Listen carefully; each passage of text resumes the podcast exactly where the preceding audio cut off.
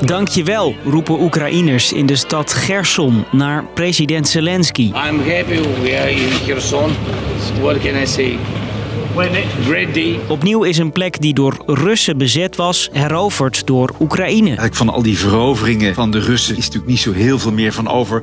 Het is echt een geweldige nederlaag. Maar de blijdschap maakt net als op andere bevrijde plekken gauw plaats voor de kille werkelijkheid. Alles ligt in puin. Hoe laten Russen bevrijde plekken achter en hoe bouw je ze weer op? Ik ben Marco en ik leg het je uit. Lang verhaal kort. Een podcast van NOS op 3 en 3FM. In Gerson wappert de Oekraïense vlag weer. Het is daar het hele weekend feest na de bevrijding.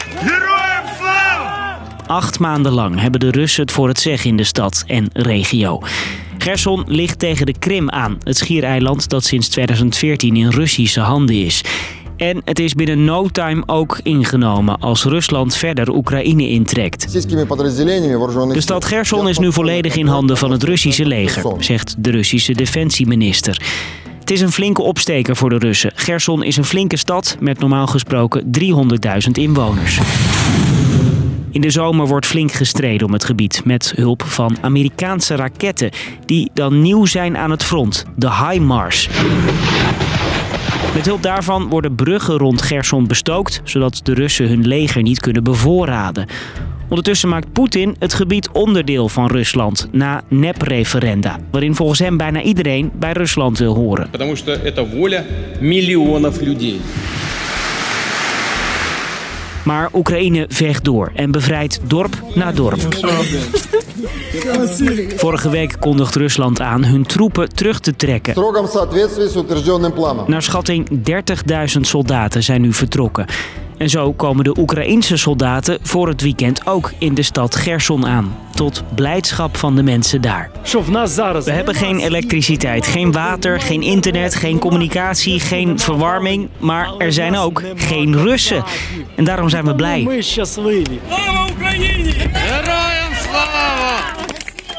Na de knuffels komt ook de realiteit van maandenlang hard vechten. Gerson was ooit een bruisende studentenstad. En door de strijd zijn mensen gedood en is de stad flink beschadigd. Net als vele dorpen eromheen, ziet verslaggever Wessel de Jong, die door Gerson reist. Je rijdt zo nu en dan echt door omgeploegd asfalt, door tanks heen, waar de raketten nog in het asfalt steken. De dorpjes hier, ja, daar is vaak weinig van over. En zo zijn er heel veel plekken in Oekraïne met immense schade. Ook in het noorden van het land. Bijvoorbeeld in Izjum, dat al ruim een maand bevrijd is. Het is verschrikkelijk. Wat je op de beelden ziet is in het echt niet te beschrijven. Gebouwen vol kogelgaten, zonder ramen, kapotgeschoten stadsverwarming. Wel weer stroom, maar, maar af en toe water en nergens geld kunnen pinnen bij de bank. Hoe moet ik rondkomen? Ik weet het niet. Het maakt veel Oekraïners moedeloos. Alles is kapot gemaakt, alles is verwoest. Volgens mij wordt Izium nooit meer wat het was. Het is allemaal verwoest. Inschattingen zijn moeilijk te maken, maar het is zeker dat tienduizenden huizen in heel Oekraïne onbewoonbaar zijn, duizenden scholen kapot, vliegvelden en auto's zijn vernietigd, de Wereldbank schatte eerder in dat er 350 miljard dollar nodig is om Oekraïne weer helemaal op te bouwen. Dus er is heel veel werk te doen. Maar waar begin je? Ja, je begint eigenlijk denk ik op tien, tien borden tegelijkertijd. Dat zegt Fulco Treffers, een architect die nu werkt aan de wederopbouw van Oekraïne. Maar bouwen in oorlogsgebied heeft zo zijn uitdagingen. Op het moment dat je iets met stalen kozijnen wil gaan maken of cement eh, ontwikkelen, je hebt gewoon de onderdelen van een woning of van een gebouw. Ja, de cementfabriek is kapotgeschoten, de staalfabriek zijn kapotgeschoten. Dus waar komen de bouwmaterialen vandaan is al ingewikkeld. En er is veel meer voorbereiding nodig. Moet je denken aan planning, vergunningen en ook heel praktisch. We moeten gewoon eh, heel simpel bouwvakkers aan het werk hebben. Zo snel mogelijk eh, de kritische infrastructuur weer op orde krijgen en van daaruit weer doorbouwen. En er is heel veel geld voor nodig. We have no time to waste. The scale of destruction is staggering. De EU wil vanaf volgend jaar iedere maand anderhalf miljard overmaken, zodat de wederopbouw echt kan beginnen. Tot nu toe zijn er wel beginnetjes gemaakt.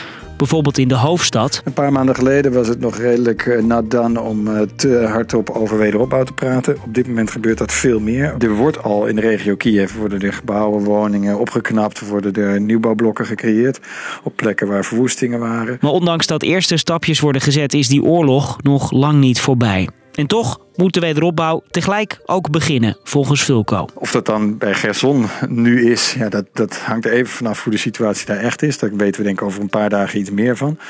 Ik denk dat we sneller kunnen dan veel mensen verwachten.